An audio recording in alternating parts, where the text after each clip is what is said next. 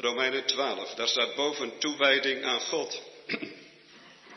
Ik bid u dan, broeders, door de ontfermingen Gods, dat gij uw lichamen stelt tot een levende, heilige en gode welbehagelijke offerande, welk is uw redelijke godsdienst.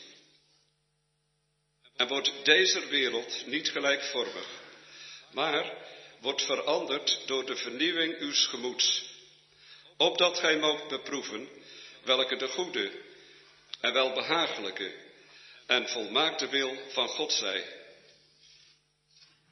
Want door de genade die mij gegeven is, zeg ik een ieder die onder u is, dat hij niet wijs zij boven hetgeen mij behoort wijs te zijn, maar dat hij wijs zij tot matigheid. Gelijk als God een ieder de mate des geloofs gedeeld heeft. Want gelijk wij in één lichaam veel leden hebben, en de leden alle niet dezelfde werking hebben, alzo zijn wij velen één lichaam in Christus, maar elkeen zijn wel leden. Hebben er nu verscheidene gaven naar de genade die ons gegeven is. Zo laat ons die gaven besteden, het zij profetie naar de mate des geloofs, het zij bediening in het bedienen, het zij die leert in het leren, het zij die vermaant in het vermanen, die uitdeelt in eenvoudigheid, die een voorstander is in naastigheid, die barmhartigheid doet in blijmoedigheid.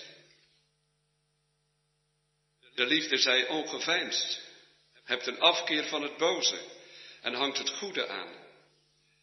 Hebt elkaar hartelijk lief, met broederlijke liefde, met eer de een de ander voorgaande. Zijt niet traag in het benaastigen, zijt vurig van geest, dient de Heere. Verblijd u in de hoop, zijt geduldig in de verdrukking, volhard in het gebed. Deelt mee tot de behoeften der heiligen, tracht naar herbergzaamheid. Zegent hen die vervolgen, zegent en vervloekt niet. Verblijdt u met de blijden en weent met de wenenden. Wees eensgezind onder elkaar. Tracht niet naar de hoge dingen, maar voegt u tot de nederige. Zijt niet wijs bij uzelf. Vergeldt niemand kwaad voor kwaad. Bezorgt hetgeen eerlijk is voor alle mensen. Indien het mogelijk is, zoveel in u is, houd vrede met alle mensen. Breekt u zelf niet, beminden, maar geeft de toon plaats. Want er is geschreven, mij komt de wraak toe, ik zal het vergelden, zegt de Heere. Indien dan uw vijand hongert, zo spijzigt hem. Indien hem dorst, zo geeft hem te drinken, want dat doende, zult gij kolenvuurs op zijn hoofd hopen. Wordt van het kwade niet overwonnen, maar overwint het kwade door het goede. Jonge vrienden, gemeente, de tekstwoorden voor deze beleidenisdienst hebben we gelezen in Romeinen 12. En daar gaat het ook over, niet over het hele hoofdstuk, hoewel, we zullen zien. Ik wil graag voorlezen daaruit de versen 4. Ja, laten we nemen tot en met 8. Hoewel dat laatste gedeelte, dat, dat, wordt, dat noem ik er eigenlijk alleen bij. Want het gaat om die eerste versen. Vers 4 tot en met 8 van Romeinen 12. Daar zegt de apostel, want gelijk wij in één lichaam vele leden hebben en de leden niet alle dezelfde werking hebben, Alzo zijn wij velen één lichaam in Christus. Maar elk één zijn wij elkanders leden. Hebben er nu verscheidene gaven naar de genade die ons gegeven is, zo laat ons die gaven besteden. Zij profetie naar de mate van het geloof, zij bediening in het bedienen, het zij die leert in het leren, zij die vermaant in het vermanen, die uitdeelt in eenvoudigheid, die een voorstander is in naarstigheid, die barmhartigheid doet in blijmoedigheid. Waar gaat het over? Het gaat over de rijke verscheidenheid van het lichaam van Christus. En als kapstokhaken zou ik vier dingen willen noemen. We letten eerst even over op de gemeenteleden in Rome, hoe dat zat, hoe die gemeente daar terechtgekomen is. En dan op de eenheid van het lichaam, waar Paulus heel veel nadruk op legt. En in de derde plaats de verscheidenheid van de gaven, de gemeenteleden. En tenslotte, ja, waar loopt dat alles op uit? Waar is dat goed voor? Nou, opdat we gemeente zijn van Christus in deze wereld. De rijke verscheidenheid van het lichaam van Christus. Gemeente in Rome. Gemeente als eenheid, als lichaam. De verscheidenheid van de gaven en ja, het doel van dat alles. Hè? Waarom geeft God dat? Om Hem te dienen. Om de gemeente op te bouwen. En het licht te laten schijnen in de donkere wereld om ons heen. Jongelui, jullie zeggen vandaag ja tegen God. En tegen de Bijbel. En tegen de gemeente. In die volgorde. gemeente is in het lichaam van Christus. Daar hoorde je al bij als dooplid. Onmondig lid. Nu word je door je ja-woord volwaardig lid, of hoe moet ik dat zeggen? Mondig lid van de gemeente. Met alle rechten en plichten die daarbij horen. Je kunt God niet hebben tot vader als je de kerk niet hebt tot je moeder heeft de oude kerkvader Cyprianus eens gezegd. Het is voor jullie dus en voor ons, voor de gemeente, een hele bijzondere dag. Blijde dag. We gaan naar Rome. In de miljoenenstad Rome is een christelijke gemeente ontstaan. Hoe dat gebeurde, is niet helemaal met zekerheid te zeggen. Uit de Romeinenbrief blijkt dat Paulus zelf die gemeente in ieder geval niet gesticht heeft. In het laatste hoofdstuk van die brief doet Paulus de groeten aan 28 verschillende mensen. Nou, en Paulus was zelf nog nooit in Rome geweest. Dus die moet hij van ergens anders gekend hebben. En blijkbaar zijn die in Rome terechtgekomen. Het kan zijn, sommige tradities zeggen, Petrus heeft die gemeente in Rome gesticht. En Marcus heeft zijn evangelie geschreven uit de mond van Petrus. Maar er is ook een opvatting dat de Joden die op het Pinksterfeest aanwezig waren, het evangelie van de Heere Jezus, dat Hij de Messias is, meegebracht hebben terug naar Rome. De Romeinenbrief veronderstelt in ieder geval dat het een grote gemeente was, talrijk, veel mensen, die op meerdere plaatsen in de stad Rome samenkwamen.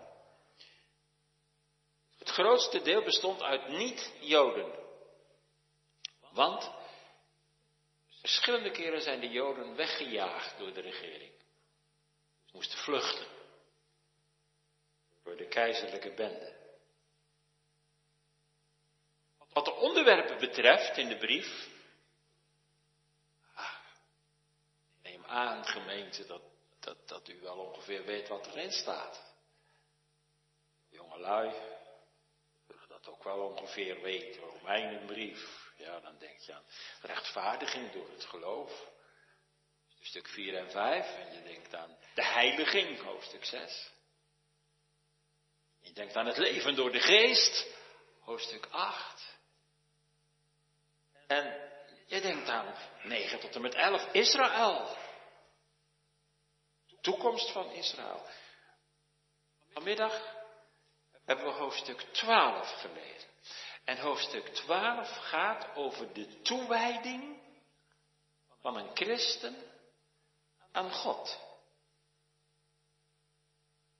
Als jullie ja zeggen, dan zeg je daarmee, ik wil mijn leven toewijden aan God en zijn dienst. Een christen moet weerstand bieden tegen het zondige wereldse leven en denken. En zijn denken laten vernieuwen door de Heilige Geest. Dat staat in de eerste versen van hoofdstuk 12. Ik zeg het met wat andere woorden, want de woorden die gebruikt worden zouden wat moeilijk kunnen zijn.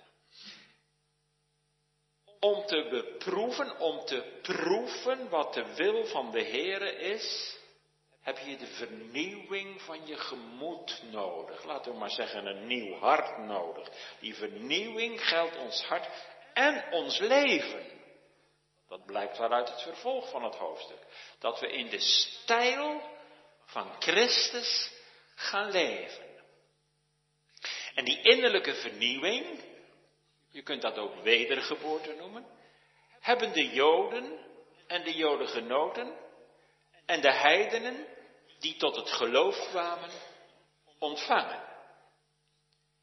En toen dit gebeurde, mochten ze gedoopt worden.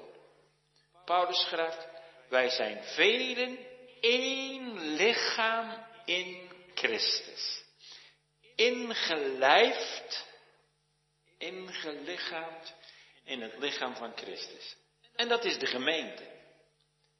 En zo ontstaat ook de gemeente. Paulus schrijft deze brief vanuit Korinthe. En daar is ook zo de gemeente ontstaan. Wel door toedoen van Paulus en zijn prediking. En dan schrijft hij, want ook wij allen zijn door één geest tot één lichaam gedoopt. Anders gezegd, door het werk van de Heilige Geest in de verkondiging van het Evangelie kwamen er mensen tot bekering. En daarom mochten ze ook gedoopt worden. Dan moet u in dat geval denken aan de volwassen doop. Ingelijfd in, de, in het lichaam van Christus, gedoopt met water, als teken van het sterven van het oude bestaan, de oude mens, en de opstanding van een nieuw bestaan, de nieuwe mens, nieuw leven voor God. Ze zijn gedoopt met het doel om samen één lichaam te vormen. Jullie zijn allemaal als kind gedoopt. Dat is een groot voorrecht. Maar we moeten wel beseffen dat de kinderdoop zonder, de, zonder het doen van beleidenis niet af is. Bij de volwassen doop deden de catechumenen eerst beleidenis en daarna werden ze gedoopt. Bij jullie is het precies andersom. Jullie zijn eerst gedoopt als teken van afzondering tot de gemeente en de gewilligheid van God om je zalig te maken. En nu je beleidenis doet, neem je de verantwoordelijkheid voor je doop over van je ouders. Dat is één aspect van beleidenis doen. Bij de doop heeft God gezegd, je mag bij mij horen en bij mijn gemeente, mij dienen, voor mijn leven. En nu je beleidenis doet, nu geef je daar zelf antwoord op. Er zijn wel eens mensen die zeggen, ja kinderdoop, wat heb je eraan, je hebt er zelf voor gekozen. Wacht even, God heeft voor je gekozen. En als je beleidenis doet, dan is het pas af en dan kies je zelf. Heel bewust. Ja, heren, ik wil graag bij u horen, voor uw leven en u dienen. Nou, dat ga je straks beloven. Als je ja zegt. Je kiest voor God en voor zijn dienst. Binnen het kader van de plaatselijke gemeente. En niemand kan dat met heel zijn hart doen onder de kracht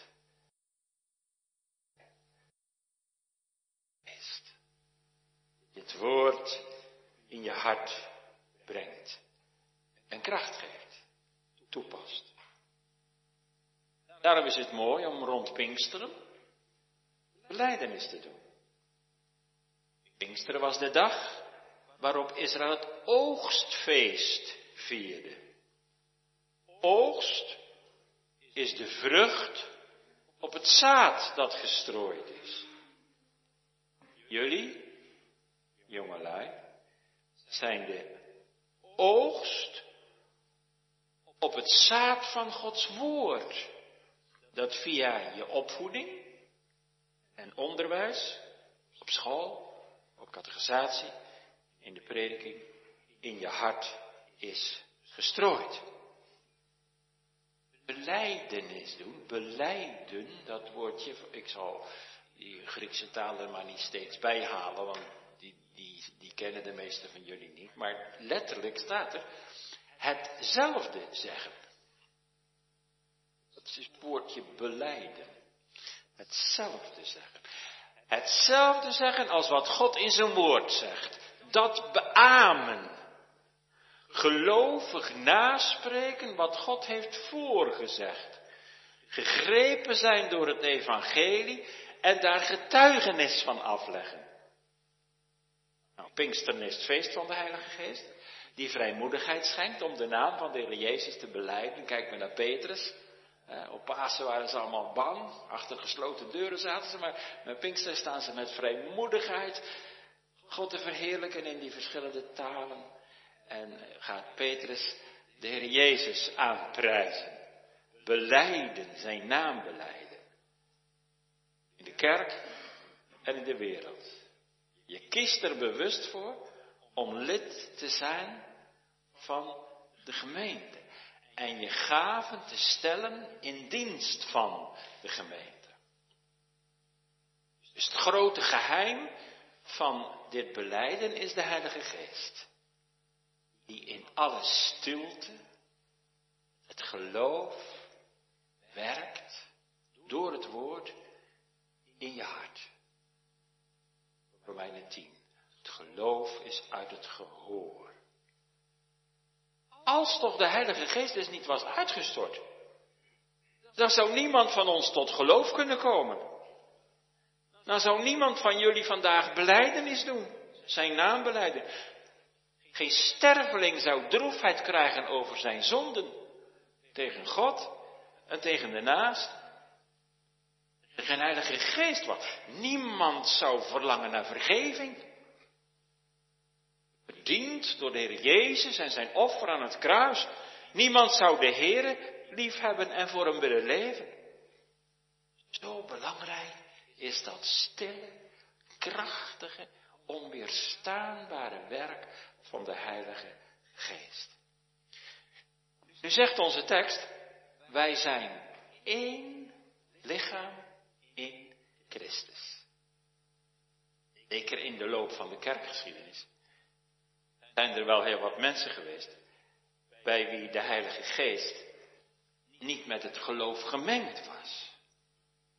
Of bij wie het beleidenis doen niet meer inhield dan een verstandelijk eens zijn met de leer van de kerk.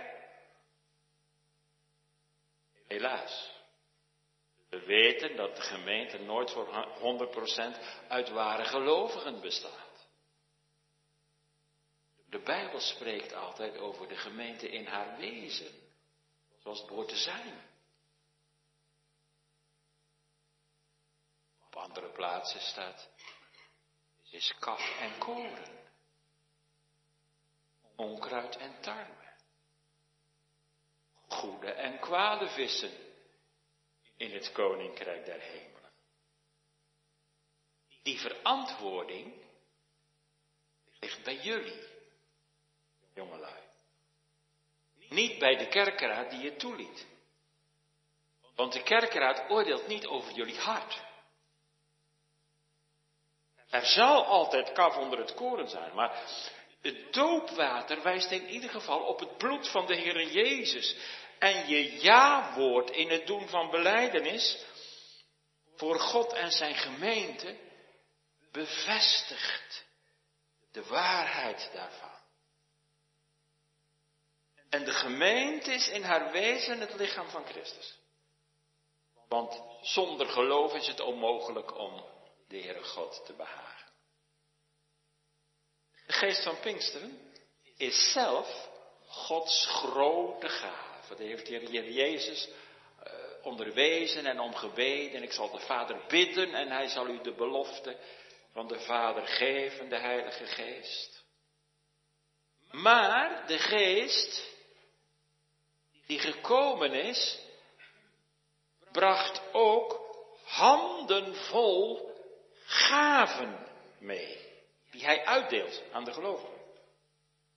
Daar gaat het vooral over in de Korinthebrief, 1 Korinthe 12, 1 Korinthe 14.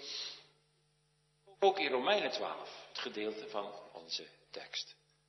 Waar de apostel dieper ingaat op die geestesgaven. Charismata, dat woord herken je misschien. Dat staat daar in het, in, in het Grieks in hoofdstuk 12. Gaven die naar de genade van God ons geschonken zijn. Dat was het eerste. De gemeente van Rome en de bijzonderheden daaromheen. Nu kom ik op het tweede aandachtspunt. En dat is de gemeente, de eenheid van het lichaam. Jullie hebben vast gesproken in hoofdstuk 16 van het dictaat, waar broeder Hagen met jullie besproken heeft over de Heilige Geest en over de gaven van de Heilige Geest. Als je daar dieper op ingaat, komt er een hele rij gaven langs. Bijzondere gaven, zoals tongentaal, lezing, profetie. De verschillende gaven als ambten, zoals apostelen, profeten, herders, leraars, evangelisten. Maar ook de gewone gaven, zoals, en die worden hier genoemd, dienstbetoon, barmhartigheid bewijzen, leiding geven, troosten, vermanen, wijsheid, kennis, onderscheiding, onderwijs en noem maar op. Die geestelijke gaven, die de Heilige Geest geeft, hebben een doel.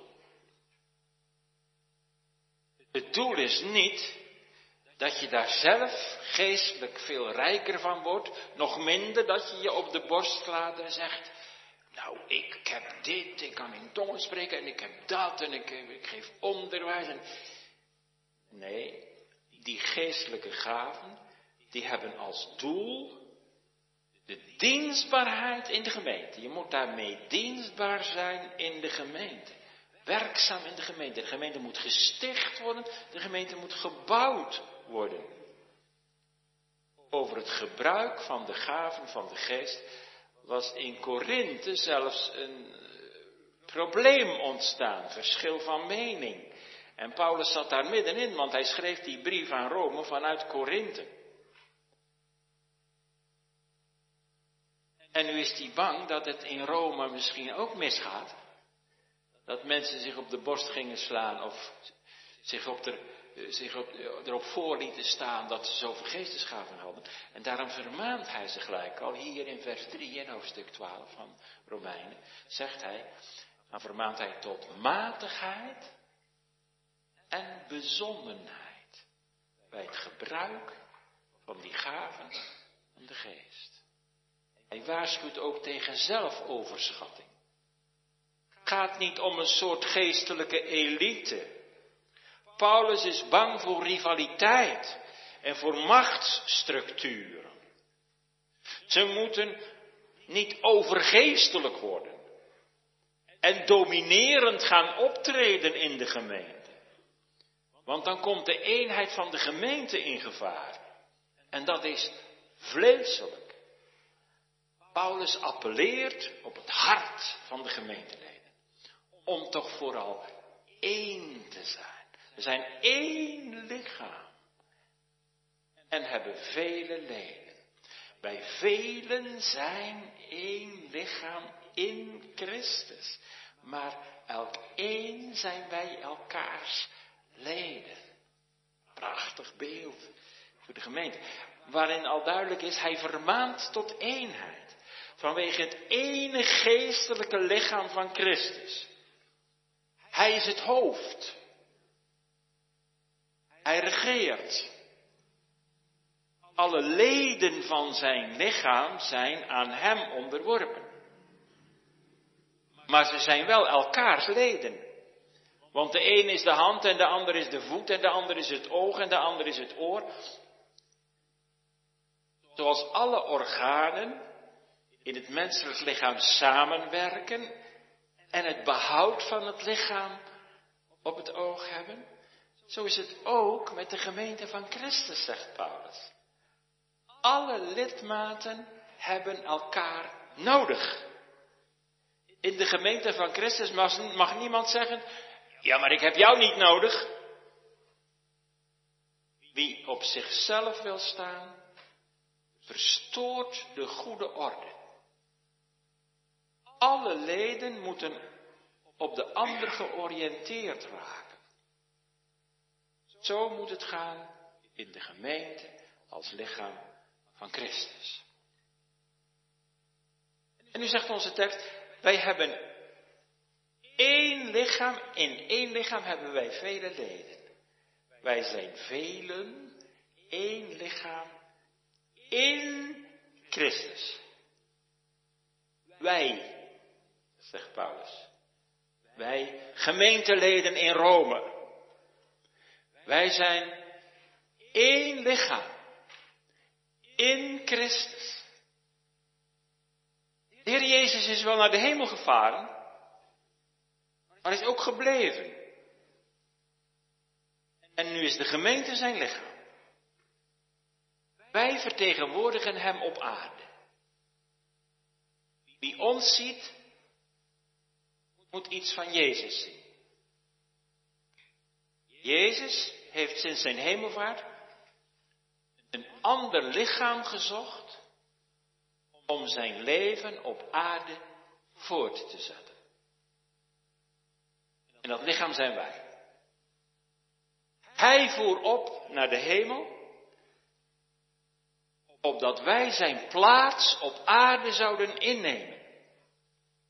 Hij liet zelfs de sleutels van zijn koninkrijk achter bij zijn discipelen. En Paulus zegt, Christus leeft in mij door de Heilige Geest. Dus Paulus gebruikt het beeld van het lichaam als een heel mooi beeld van de gemeente. Christus gemeente is een lichaam, een organisme waarin alles goed moet samenwerken om te kunnen functioneren. Maar alle stimulansen gaan uit van het hoofd. Terwijl alle functies van de organen op elkaar zijn afgestemd. Hart, longen, handen, voeten. Zo is het in de gemeente. Eén lichaam. In Christus. Het hoofd. En ieder lidmaat, elk orgaan in het lichaam van de gemeente, heeft dus een persoonlijke band aan het hoofd.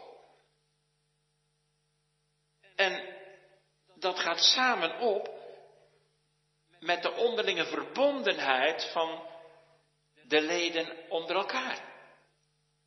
Hoe verschillend we ook zijn, wij zijn één. Wij hebben elkaar nodig. We zijn op elkaar aangewezen. We zijn van elkaar afhankelijk. We moeten voor elkaar zorgen. We moeten elkaar respecteren.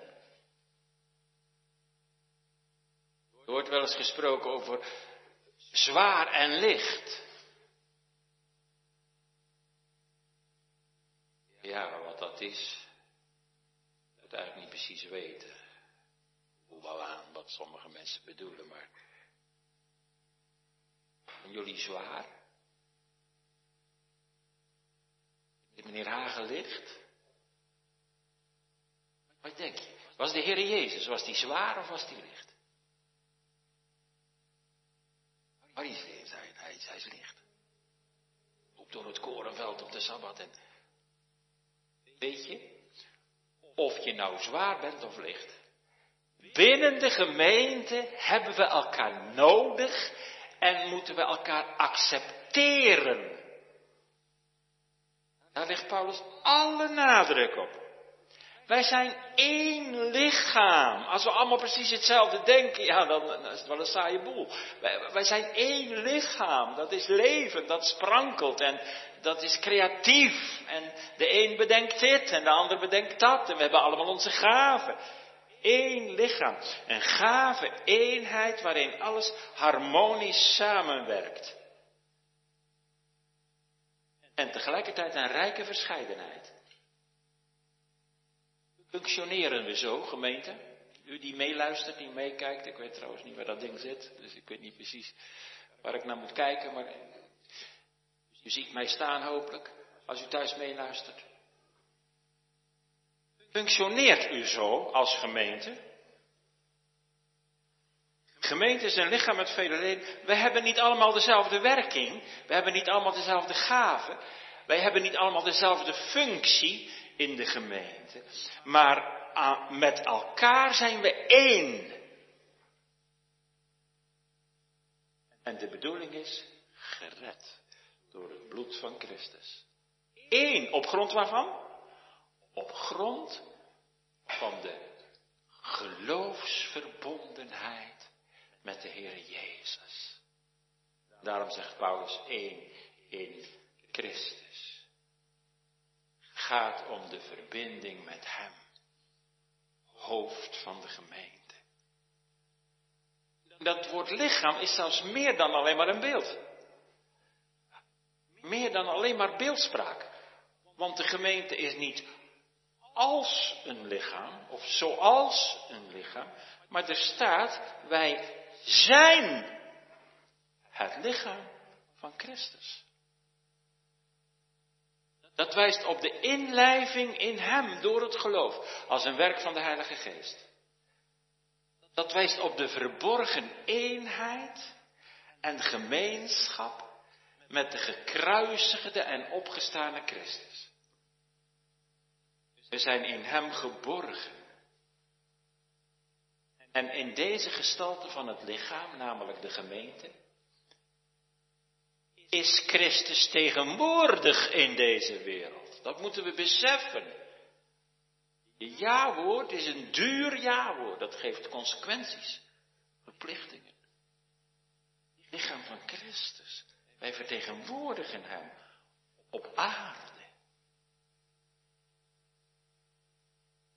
Jullie beloven straks, jullie zeggen ja op de vraag of je je leven, je levenswandel, met goede werken wilt versieren. Goede werken komen voort uit een oprecht geloof. Ze zijn in overeenstemming met Gods wet en die hebben tot doel Gods eer. Klem ligt er wel op. Maar zeg je, kan ik dan eigenlijk wel ja zeggen? Ik voel mezelf soms zo ontrouw. En zo zondig. En ik schaam me. Ik, het lichaam van Christus, moet ik hem vertegenwoordigen? Moeten ze in mij de Heer Jezus kunnen zien? Heeft hij zoveel verwachting van mij? Het is maar goed dat de Heer Jezus heeft beloofd dat de poorten van de hel zijn gemeente niet zullen overweldigen. En dat als jullie ja zeggen, dat je niet zegt, ja hoor, dat komt voor elkaar. Dat zullen we gaan doen. Maar dat jullie ja zeggen, door de genade van God, staat in die vraag. Door de genade van God. Zonder die genade van God zul je nooit je ja-woord kunnen waarmaken. De gemeente, een lichaam, Van al die beelden die gebruikt worden voor de gemeente, en dat zijn er nogal wat hoor. Ik noem er zomaar een paar. Een strijdend leger. Een kudde schapen. Een akker waar de tarwe op groeit. Een bouwwerk. Een heilige tempel van levende stenen. Waar de Heere woont. Van al die beelden is het, het lichaam met de leden, die allemaal hun eigen gaven hebben, toch, toch, toch wel het mooist. Wijst echt op die eenheid in gemeenschap in Christus en die onderlinge verbondenheid van de leden. Het werkt allemaal samen. Dat betekent drie dingen. In de eerste plaats, we moeten Christus geen ogenblik uit het oog verliezen. Want in Hem, in zijn volbrachte werk, ligt alles vast. Dat betekent in de tweede plaats, we moeten het lichaam van Christus geen ogenblik uit het oog verliezen.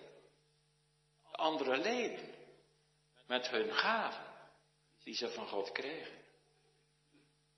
En dat betekent in de derde plaats, we moeten onszelf niet uit het oog verliezen. En de opdracht die we hebben om ons leven te heiligen voor de Heer. En dienstbaar te zijn in zijn koninkrijk. Dat hoort bij de roeping van de gemeente. Genoeg hierover. Eenheid van het lichaam. We komen nu toe aan de verscheidenheid van de gaven, meer expliciet dan zo straks, en daarvoor lezen we vers 6. Hebbende nu verscheidene gaven, naar de genade die ons gegeven is, zo laat ons die gaven besteden. Het lichaam heeft een hoofd. De opgestane, ten hemel gevaren en verheerlijkte Christus. Het lichaam heeft ook een skelet. Dat zijn de ambten. Waardoor Christus zijn lichaam, zijn gemeente regeert. En de leden van het lichaam hebben ook iets. Ze hebben gaven, waardoor de gemeente wordt opgebouwd en toegerust voor haar taak naar binnen toe en naar buiten toe. Om een lichtende kandelaar te zijn in deze donkere wereld om ons heen. En dan noemt Paulus hier zeven van die gaven kunt natuurlijk veel meer noemen, maar het is al veel. Hè? Ik, ik noem ze, ik herhaal ze alleen even, ik noem al die teksten niet meer. Profetie, dienstbaarheid, onderwijs, vermanen, uitdelen, leiding geven en barmhartigheid bewijzen. Die zeven gaven noemt Paulus hier. We gaan ze kort even langs. Profetie als gave van de geest is blijvend nodig. Ik zeg niet dat er nu nog bijzondere nieuwtestamentische profeten moeten rondlopen, zoals Agabus in de tijd van Paulus, die voorspelde dat er een hongersnood zou komen. Die zei, die bond zich met de, de riem van Paulus en die zei, zo zullen die in Jeruzalem gevangen genomen worden. Dat was wel heel bijzonder, maar die profetische gave, is wel blijvend nodig. Een profeet moet onthullen wat de wil van God is. Gevaren signaleren. Onderkennen wat de gemeente te doen staat in bepaalde omstandigheden. De tijd waarin we leven doorzien in het licht van de Bijbel. Want het gaat om de wil van God in het heden.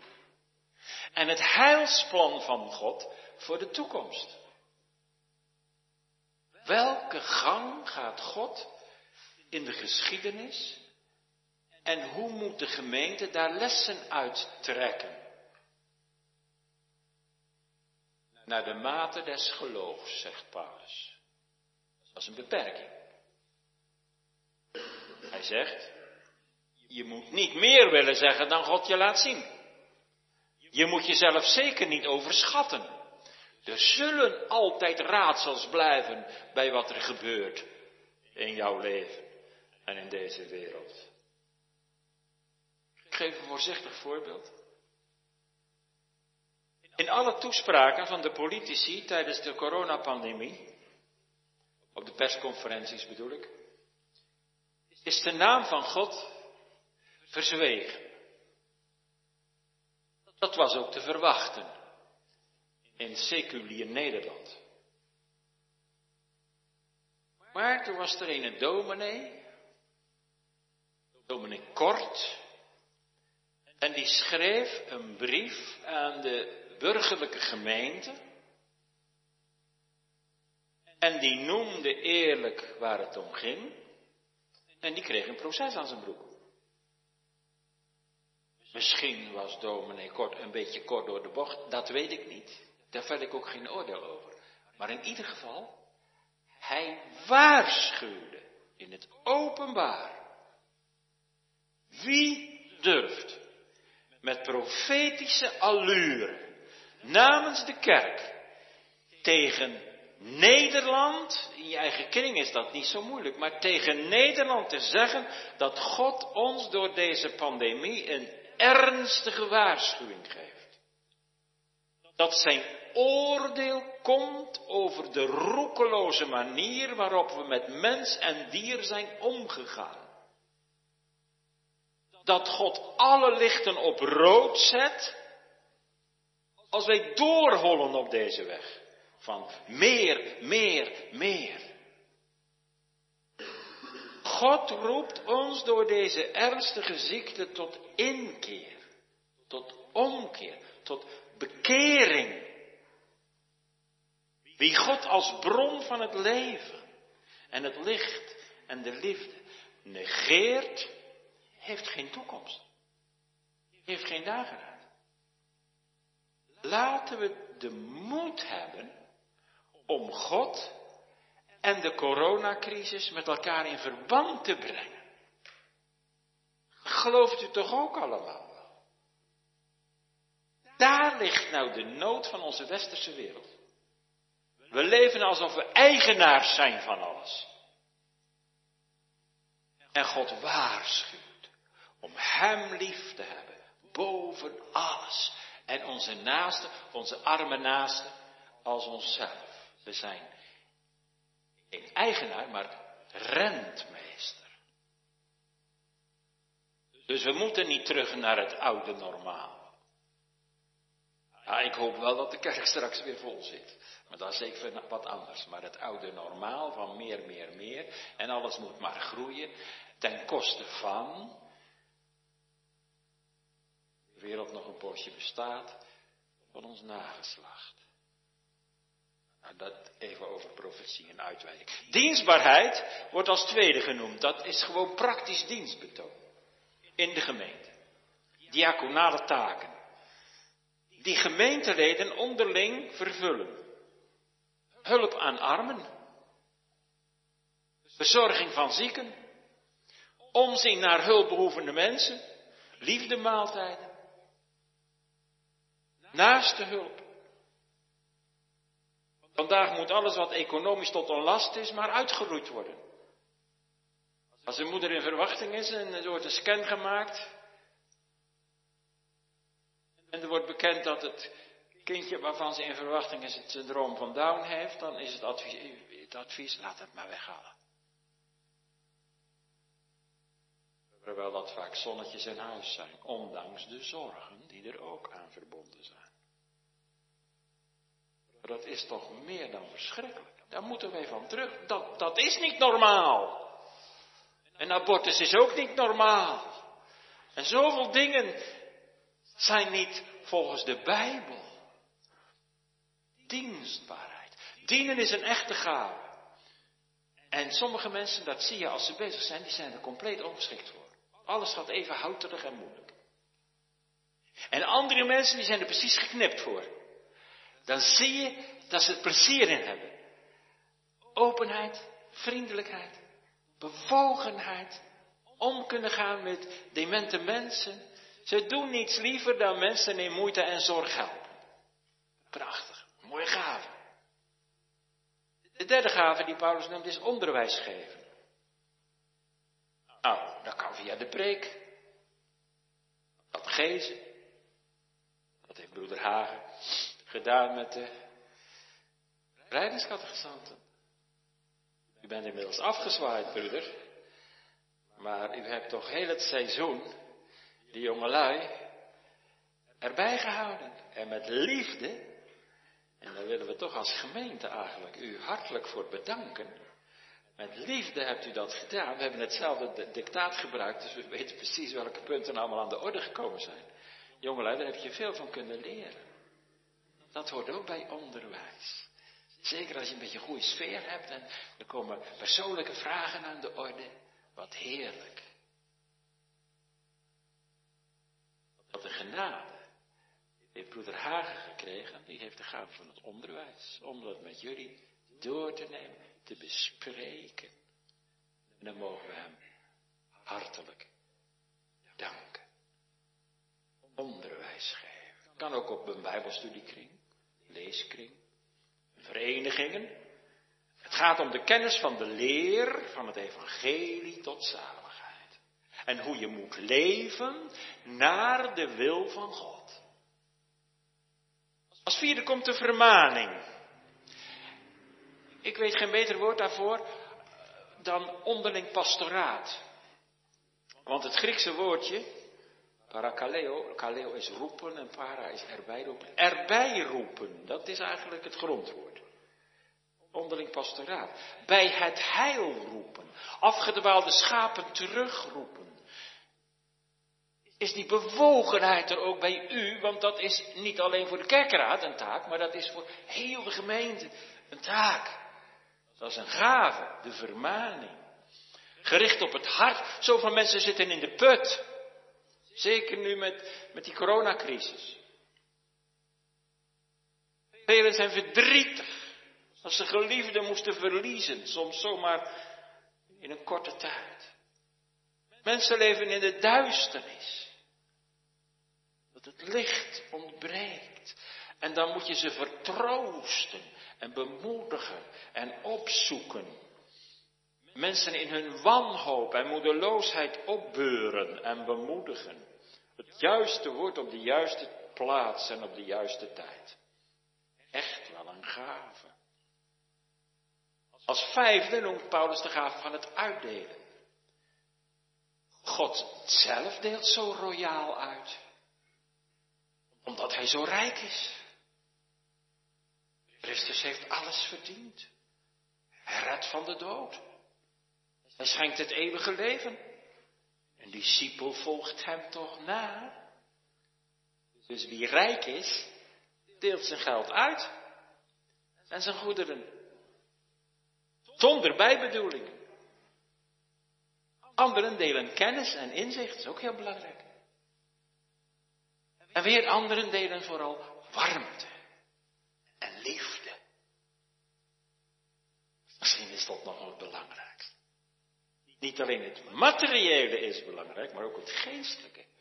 We zijn niet alleen op de wereld. De zesde gave is leiding geven. Voorstander zijn. Nou, wie snapt dat vandaag nog? Dan moet je er echt even op studeren. Je zou kunnen zeggen leiding geven. De, talent om te organiseren. Er zijn van die regelkippen. Die hebben een soort natuurtalent om dingen te organiseren, creatief. En als de Heilige Geest beslag legt op dat talent, wat je van God bij de schepping hebt meegekregen, dan wordt het een gave die God gebruikt in zijn koninkrijk.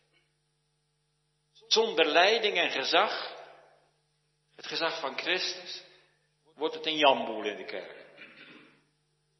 Trouwens, zonder leiding wordt het ook een jamboel in je gezin. Leiding geven, heel belangrijk. Ja, dan denk je natuurlijk ook aan de kerkraad. De laatste. De zevende gave. Barmhartigheid bewijzen. Aan zieken, eenzamen, weduwen, weduwnaars. Daar ging het eigenlijk al over in toen de diaconia aan de beurt was.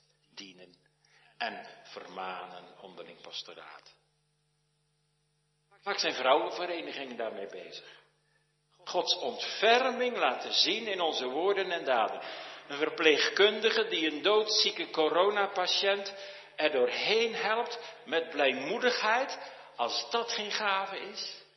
Ik ben er zelf getuige van geweest. Ik ben verschillende keren op de uh, IC geweest, de corona-afdeling. En als ik dan zie wat die verplegers en verpleegsters ervoor over hebben en met welke liefde zij veel te druk eigenlijk dat werk gedaan hebben, daar heb ik enorm veel respect voor gekregen.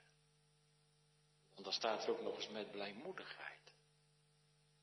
Als dat geen gave is. Jezus zocht mensen in de goot. Jezus zocht kwetsbare mensen. En, ik moet gaan afsluiten en dat doe ik ook. Wat is nu het doel van dit alles? Nou, dat het niet bij theorie blijft, dat hebben we al lang begrepen. Hè? Het doel van dit alles om, is om gemeente van Christus te zijn. En wie nu echt beleidenis doet van zijn geloof, jullie, jongelui, na de kinderdoop, treed je heel bewust toe tot de gemeente van Christus. Met alle rechten en plichten. En daarbij heb je de kracht en de genade van de Heilige Geest nodig. Tot vernieuwing. Om te groeien naar je bestemming in Gods plan met jouw leven. Namelijk een vruchtdragend leven in Gods koninkrijk. Waar de Heere je ook roept. Gemeente, u die vroeger beleidenis hebt gedaan, hebt u waargemaakt wat u beloofd hebt. Afscheid genomen van de dienst van de zonde. Dient u de Heere met een volkomen hart. Het moeilijk om daar ja op te zeggen? Wilt u een duidelijk kenmerk om uzelf te toetsen? Dat is dit. Dan wordt Christus je Heer en Meester. En je krijgt uiteindelijk alles voor hem over. Ook smaad en hoon. Je wordt verlost van de macht van de zonde. De Heere wordt alles voor je. Het is een vergevend bloed. Dat je iedere dag nodig hebt. Hoe kom je nu zover? Dat is het werk van de Heilige Geest. Die door opvoeding en onderwijs in de schriften mensen zover wil brengen. De geest doet het zaligmakende werk. Hij brengt mensen ertoe om zich door beleidenis en doop in de gemeente van Christus te laten inlijven. Hij werkt door het woord en ontsteekt liefde in je hart en hij geeft blijdschap en voldoening in de dienst van de Heer. We hebben gezien hoe juist de verscheidenheid van die gaven zorgt voor het goed functioneren van het ene lichaam, namelijk de gemeente. De een is niet meer dan de ander. Niemand mag de boventoon voeren. Niemand mag los van de ander optreden. Die Christus lief heeft, die mag weten, ik ben van de ander met een hoofdletter A. En ik mag er ook zijn voor de ander. Met een kleine letter A. Die door bekering en geloof werd ingelijfd in Christus. Die staat toch niet langer meer op zijn strepen, maar die wil in afhankelijkheid de Heere dienen en offerend bezig zijn. Jonge vrienden, je bewust beleidenis doet, aanvaard je ook je taak en je plaats in de gemeente. En zo heeft het uitspreken van je openbare beleidenis ook de notie van het toegelaten worden tot de gemeente.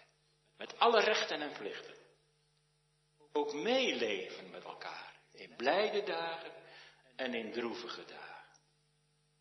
Daar gaat Paulus zo pastoraal op in in het tweede deel van hoofdstuk 12. Dat moet je thuis nog maar eens een keer overlezen. Want daar heeft hij het over broederliefde. Onderling respect. Je inzetten voor anderen. Vurig zijn van geest. Je werk geduldig doen. Blij en volhardend. Wees mededeelzaam. Gastvrij voor anderen. Zegen anderen. Leef mee. Ween met de wenenden.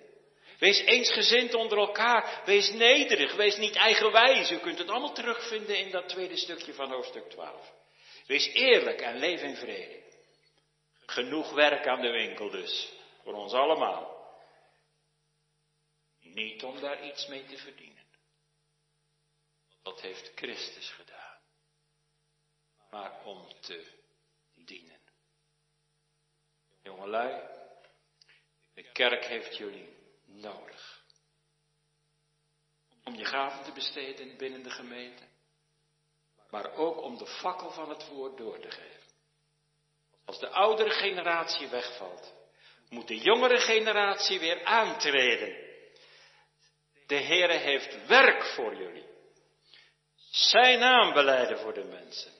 Wie in de gemeente van Christus leeft, de gemeente is een prachtig middel om tot bekering te komen, om toegerust te worden, om gelovig gevoed te worden, om opgebouwd te worden en om anderen jaloers te maken op de dienst van de Heer. En als dat gebeurt, dan heb je je doel bereikt. Amen.